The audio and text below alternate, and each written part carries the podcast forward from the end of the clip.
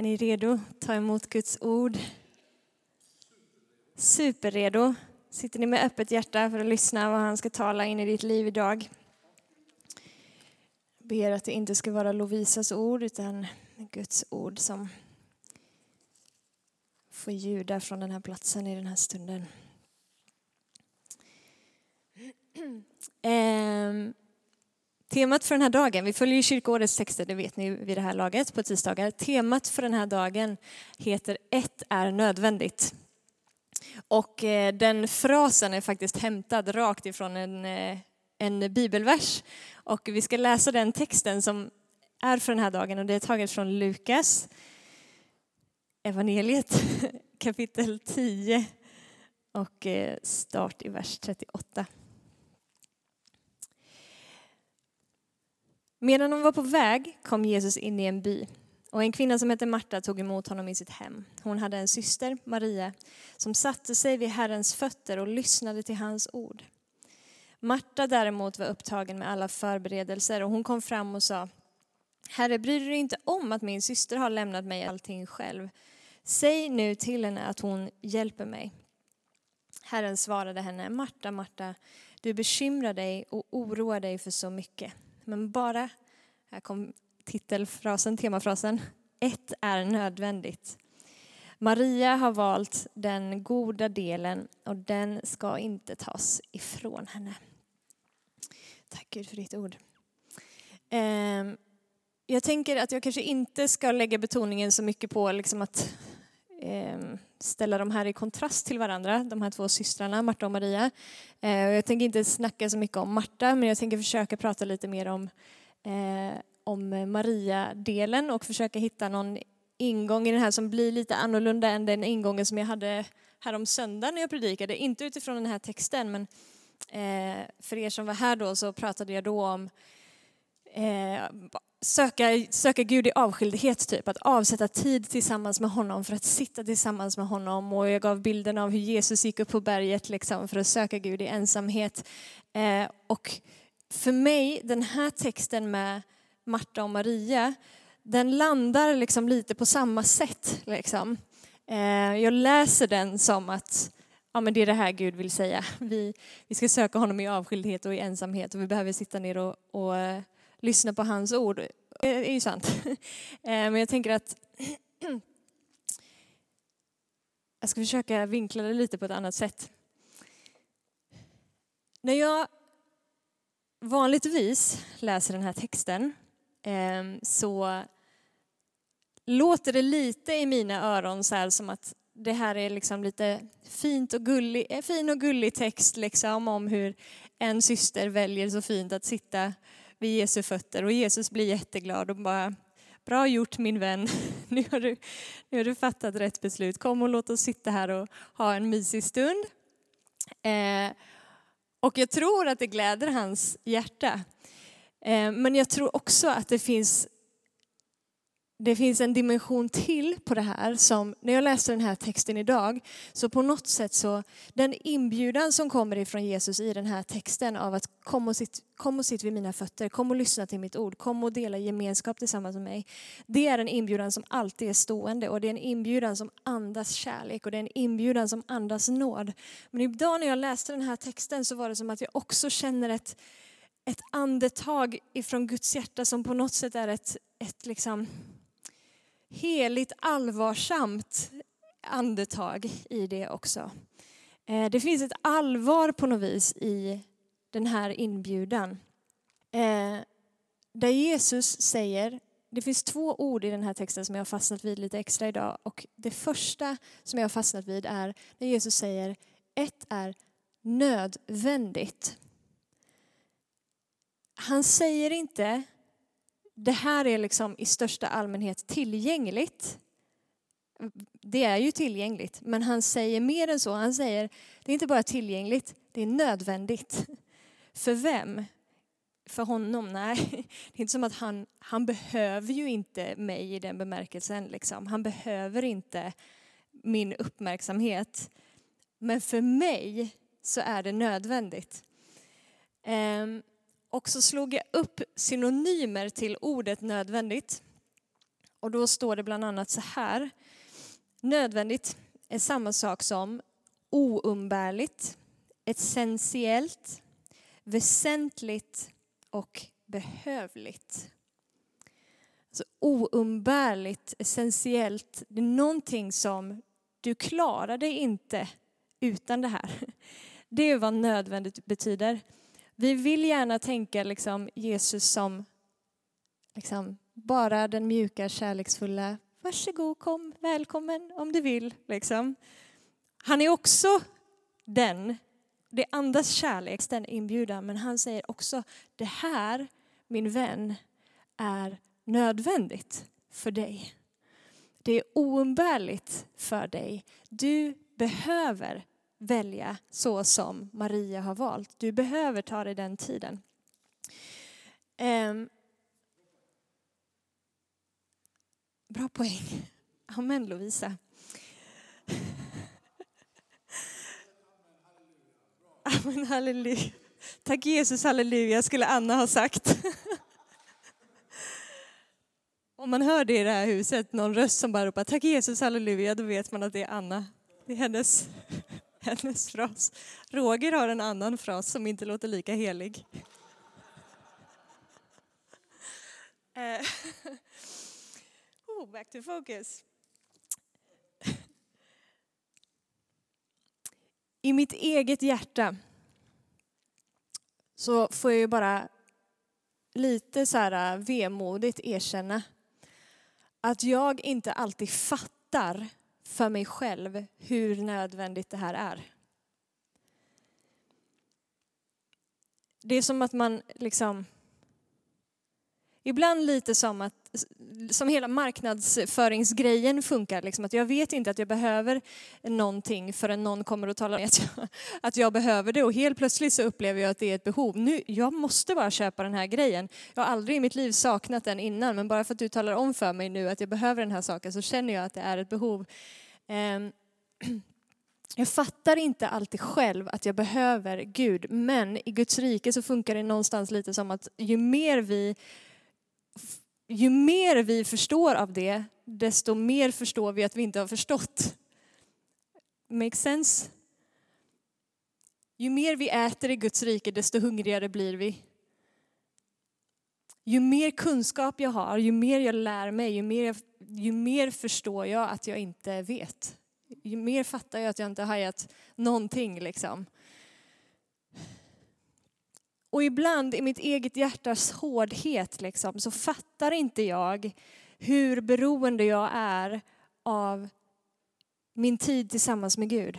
Hur beroende jag är av att välja det som Maria valde, att på något sätt sätta mig vid hans fötter för att lyssna till hans ord. För att höra vad han har att säga, för att avsätta den tiden liksom, där ingenting annat är det som drar i mig och pockar på min uppmärksamhet utan han får min, min fulla liksom, attention. Och man får ju bara på något sätt göra en liten så här heart check med sig själv ibland. Liksom i, jag vet inte om du har funnit dig på den platsen någon gång men ibland så är det som att jag själv blir medveten om att jag har bekännelser i mitt liv liksom, som när det väl kommer till kritan så bara, ah, jag undrar om det verkligen är så jag tror. Liksom det visar sig i olika situationer vad man faktiskt egentligen tror och ibland limmar det kanske inte alltid med vad man säger. Och jag tror att ibland så har vi en bekännelse där vi säger att relationen med Jesus, det är det viktigaste i mitt liv. Det är allt för mig. Han betyder, han är nummer ett, jag prioriterar honom, liksom, hans ord är auktoritet i mitt liv.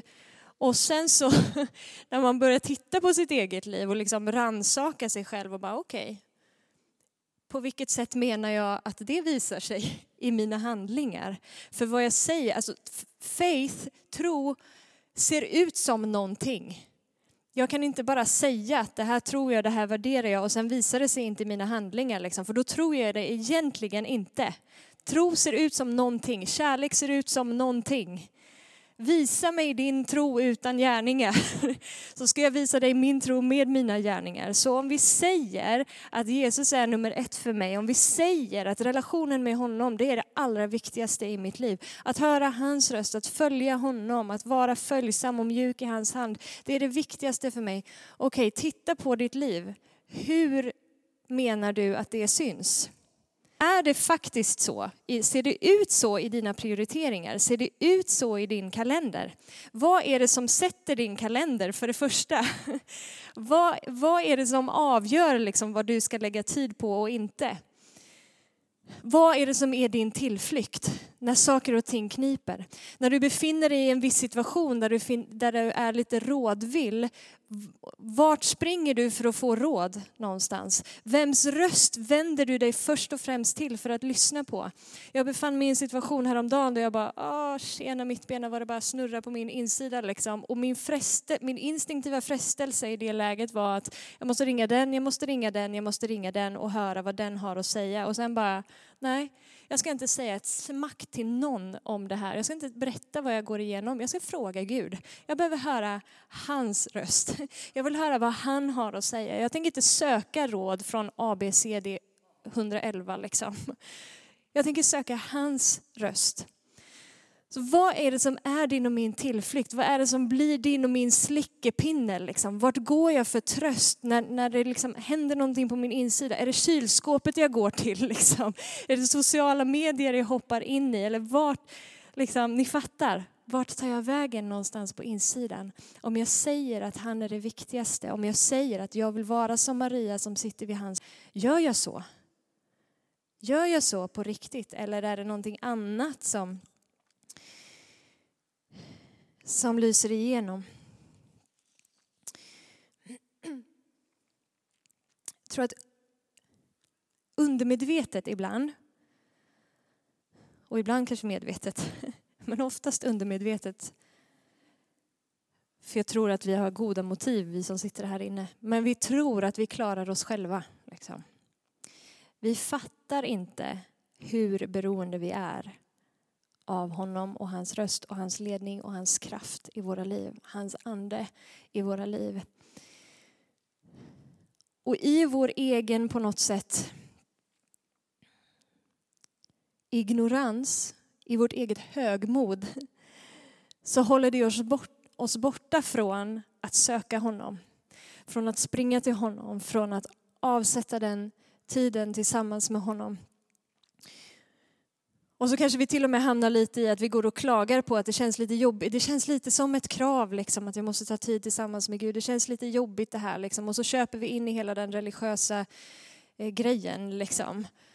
Vilket är hur knäppt som, som helst.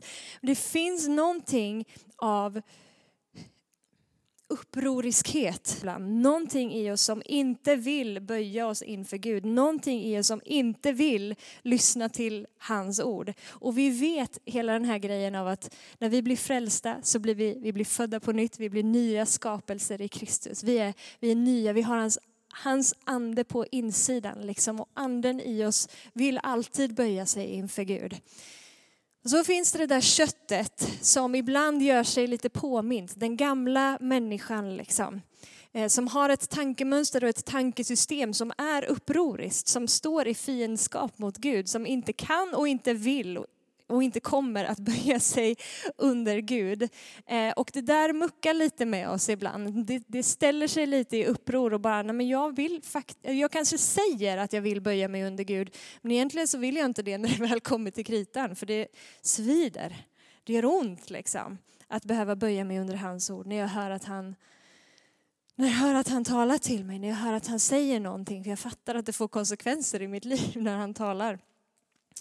Men att sätta sig, så som Maria gjorde, att sätta sig vid hans fötter och lyssna till honom är en, liksom, en akt av ödmjukhet på något sätt. En handling i ödmjukhet.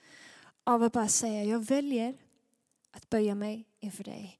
Jag väljer att låta dig tala in i mitt liv jag klarar mig inte själv. Jag kanske tror ibland att jag gör det och jag agerar som att jag gör det och jag springer och försöker mätta mig själv på tusen andra ställen. Liksom.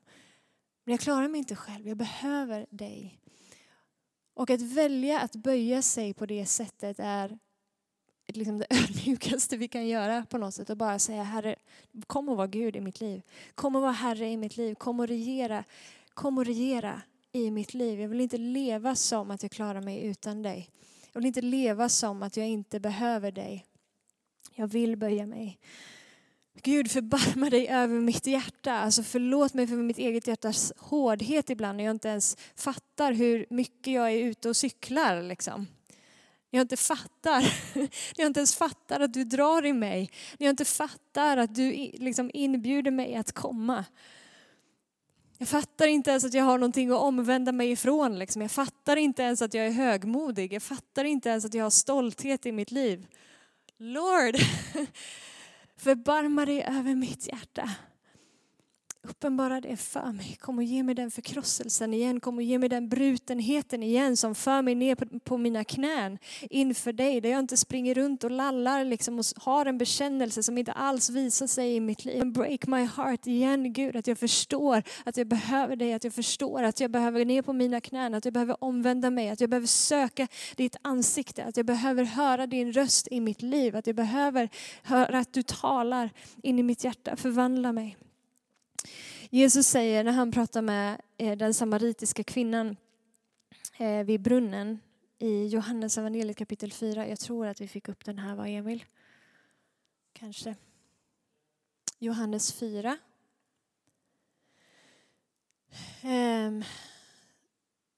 Jesus sitter vid den här brunnen nu, så står det så här. Då kom en samaritisk kvinna för att hämta vatten. Jesus sa till henne, ge mig lite att dricka.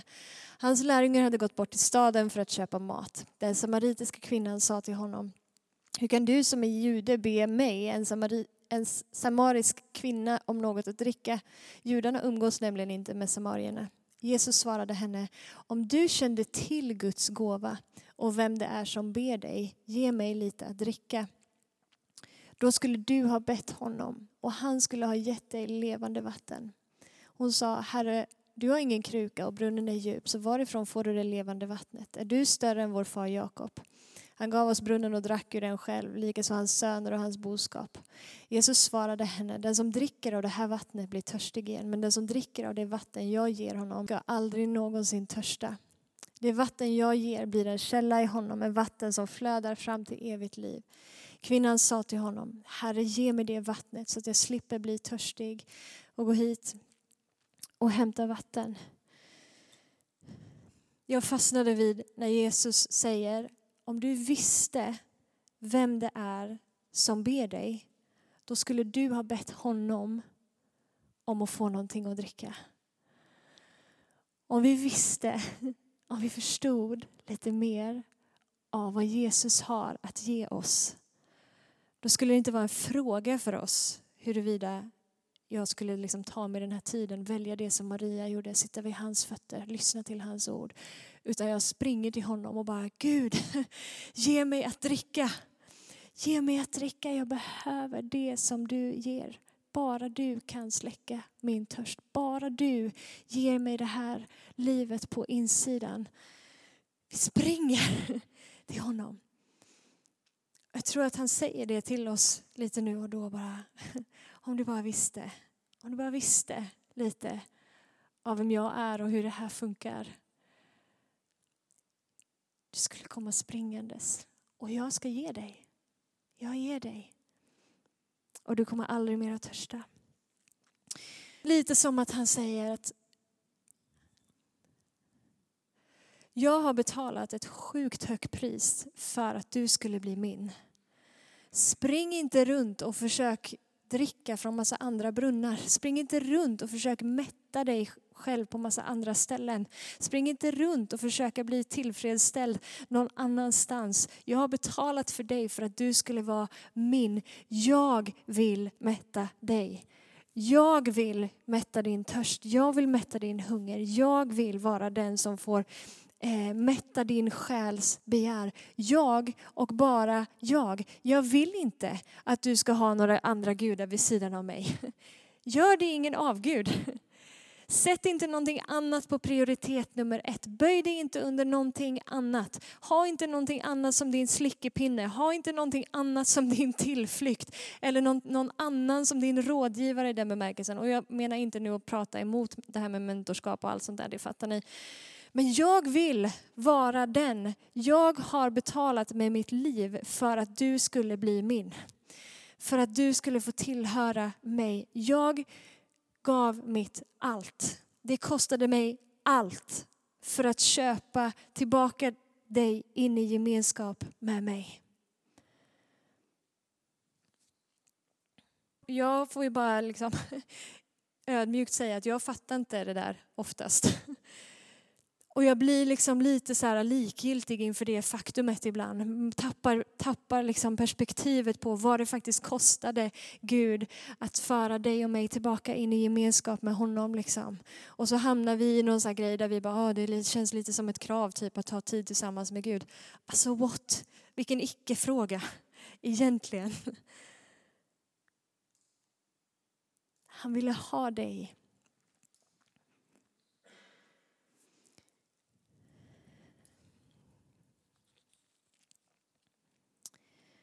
kommer vi omvända oss, springa till honom, sitta vid hans fötter, låta honom vara Gud i våra liv. Ta oss den tiden tillsammans med honom, inse vårt beroende av honom. Eh, kan vi lägga upp den texten som är från Jakobsbrevet också, Emil?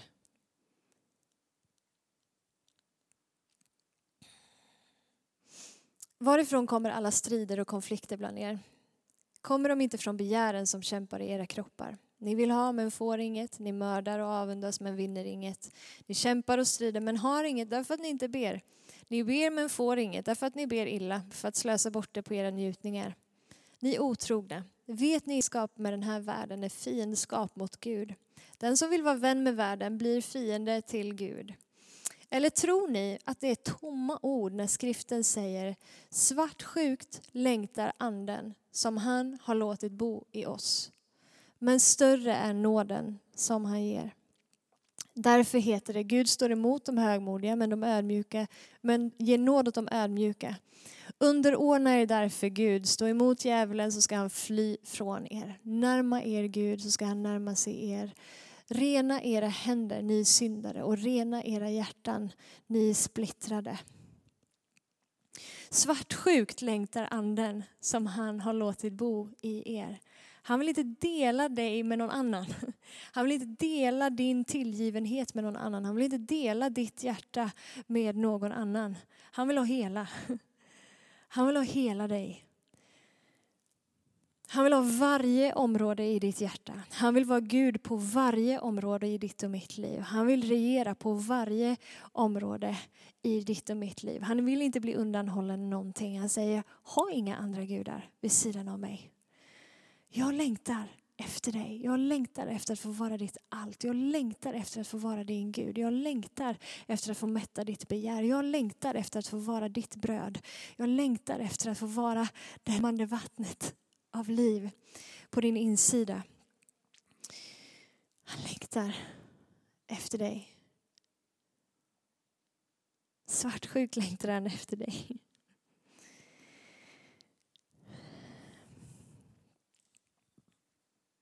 Den här inbjudan att komma och sitta vid hans fötter, att lyssna till hans röst, det är en inbjudan till gemenskap med honom som går ut till alla och så leder det mig in då på, jag sa att det var två ord som hade stått ut för mig i den här texten när jag läste den. Nu kommer det andra ordet. Och det är när Jesus säger Maria har valt den goda delen och den ska inte tas ifrån henne. Maria har valt den goda delen och den ska inte tas ifrån henne. Inbjudan är öppen för alla och vi har ett val. Vad väljer vi?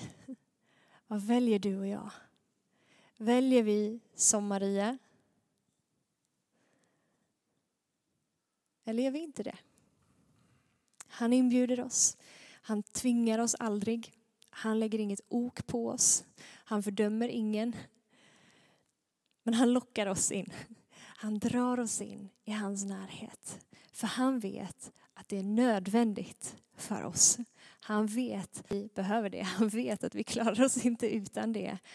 Han vet vad som skulle kunna hända med oss om vi låter honom vara vårt allt, om vi låter honom vara Gud på varje område i vårt liv. Om vi avsätter den tiden, om vi insåg liksom att han har köpt oss, att vi är hans, vi är hans egendomsfolk, vi är heliggjorda för att vi ska tillhöra honom. Vi ska inte tillhöra världen, vi ska inte böja oss under det som är den här världens tankesätt eller vårt gamla tankesätt, utan nu, nu är ni heliga, ni är mina, kom och var med mig. Han säger, jag är din, vill du vara min?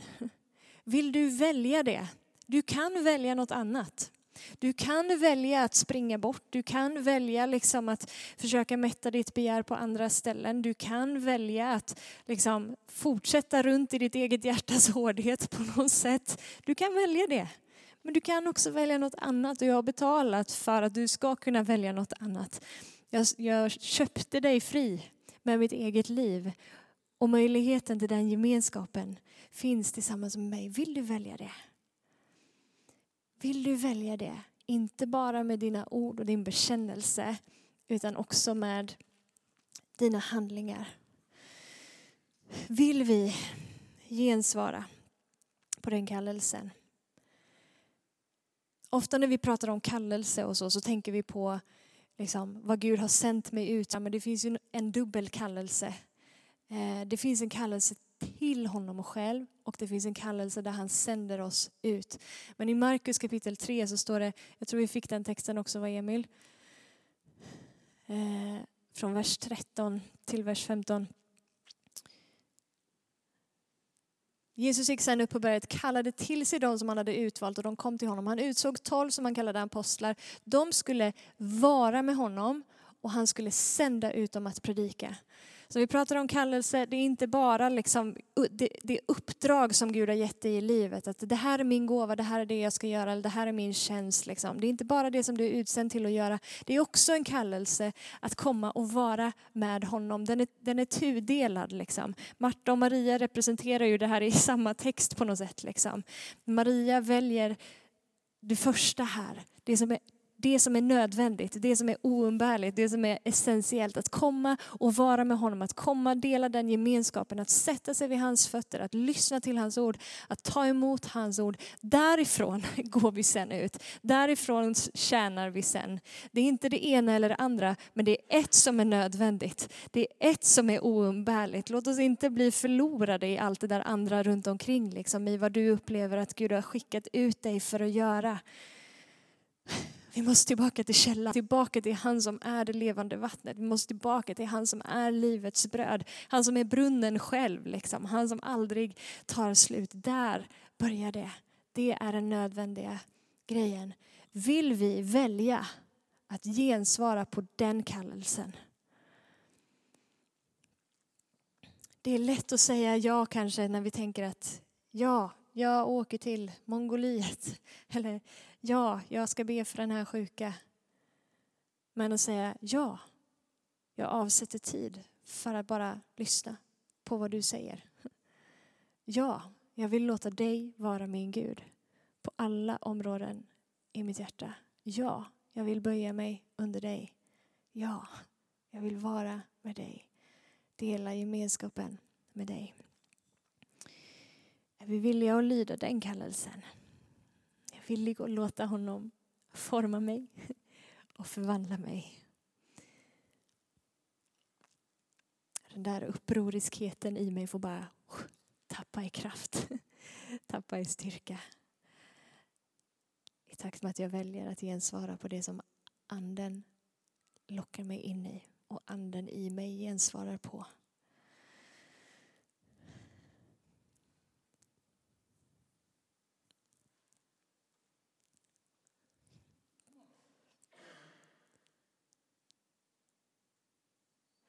Det är lite med bävan som jag delar de här orden på något sätt. Bara, eh, Lord, känns det här hårt liksom? Men jag tror ibland att vi behöver, bara, vi behöver ruskas om lite. Vi behöver skakas ur vår egen liksom, bekvämlighet. Vi behöver bara fatta liksom, att det här det är nödvändigt. Det är inte bara en, en option. Liksom, att så här, här finns det ett smörgåsbord. Om du vill kan du välja det, det, det eller det. Eller att ta tid med Gud det här är nödvändigt, friends. Vi är hans folk, han har köpt oss, han har betalat för oss för att vi skulle vara hans, för att vi ska vara salt och ljus i den här världen. Om saltet tappar sin sälta, hur ska man göra det salt igen? Det börjar här tillsammans med honom. Det börjar i den tiden, det börjar i den avskildheten. Det börjar med att vi böjer oss inför honom, väljer att sätta oss vid hans fötter och bara Yes Lord, här är jag. Här är jag. Jag behöver skakas om ifrån den platsen där jag inte ens fattar att jag behöver det. Där jag inte ens fattar att jag har blivit likgiltig i mitt hjärta. Där jag inte ens fattar att jag har blivit hård i mitt hjärta. Liksom. Där jag inte ens inser mitt eget beroende. Jag vill inte leva på den platsen. Jag vill leva på platsen där jag är fattig i anden. Där jag alltid på något sätt... Om jag inte har dig Gud, då går jag, jag går under. Jag går under om jag inte får höra dig tala in i mitt liv. Liksom. Om jag inte känner din andes puls på min insida. Om din ande inte är vinden i mina segel. Det funkar inte.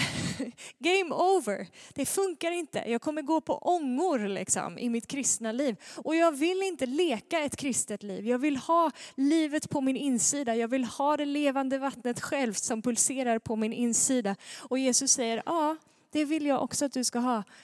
Det här är nödvändigt. Det här är nödvändigt. Låt oss vända tillbaka till den platsen. Låt oss omvända oss till den platsen om att söka hans ansikte och ta oss den tiden. Amen. Ska vi ställa oss upp och be?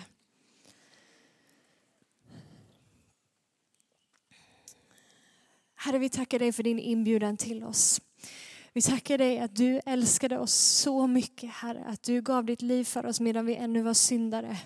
Medan vi ännu var dina fiender så bevisade du din kärlek till oss genom att dö för oss. Innan vi hade gjort ett enda rätt, innan vi hade sökt dig, innan vi hade kallat på ditt namn, innan vi hade omvänt oss, så betalade du det högsta priset. Så älskade du världen, så älskade du oss alla här inne, att du gav ditt liv. Du gav ditt liv för att vi tillbaka in i gemenskap med dig. För att vi igen skulle kunna få ta del av eh, livet tillsammans med dig. Att vi igen skulle kunna få vara nära dig. Att vi igen skulle kunna få sitta vid dina fötter.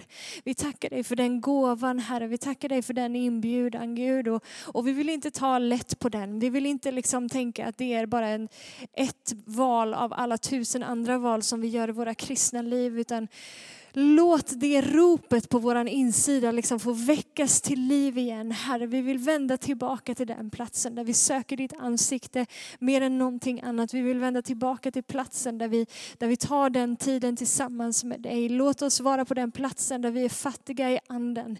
Där vi inser vårt beroende av dig Herre. Och vi tackar dig för din, din längtan och ditt hjärta att få mätta oss. Att få mätta vår själs begär, att släcka vår törst Gud. Tack att du, du gömmer dig inte för oss, liksom. du, du håller inte ditt ansikte borta ifrån oss utan du möter oss på den platsen. Du är mer ivrig att få möta oss på den platsen än vad vi är att möta dig på den platsen Herre. Så vi tackar dig för det. Vi tackar dig för din kärlek som på något sätt duschas över oss i den här stunden. Och vi ber om förlåtelse för om vi har blivit hårda i våra hjärtan Gud. Ber om förlåtelse för om vi inte liksom har Och vi har tagit oss själva på allvar men inte dig på allvar. Vi är omvända Gud. Vi behöver inte ta oss själva på så stort allvar men vi vill ta dig på stort allvar Herre. Vi vill inte ta lätt på kallelsen som du ger oss Herre. Vi vill inte ta lätt på den inbjudan som du ger oss utan ah, vi vill gensvara på den Herre. Tack för nåden att komma när du kallar. Tack för nåden att dra oss nära. Tack för löftet Herre när vi drar oss nära så drar du dig nära oss. Vi tackar dig för det Gud.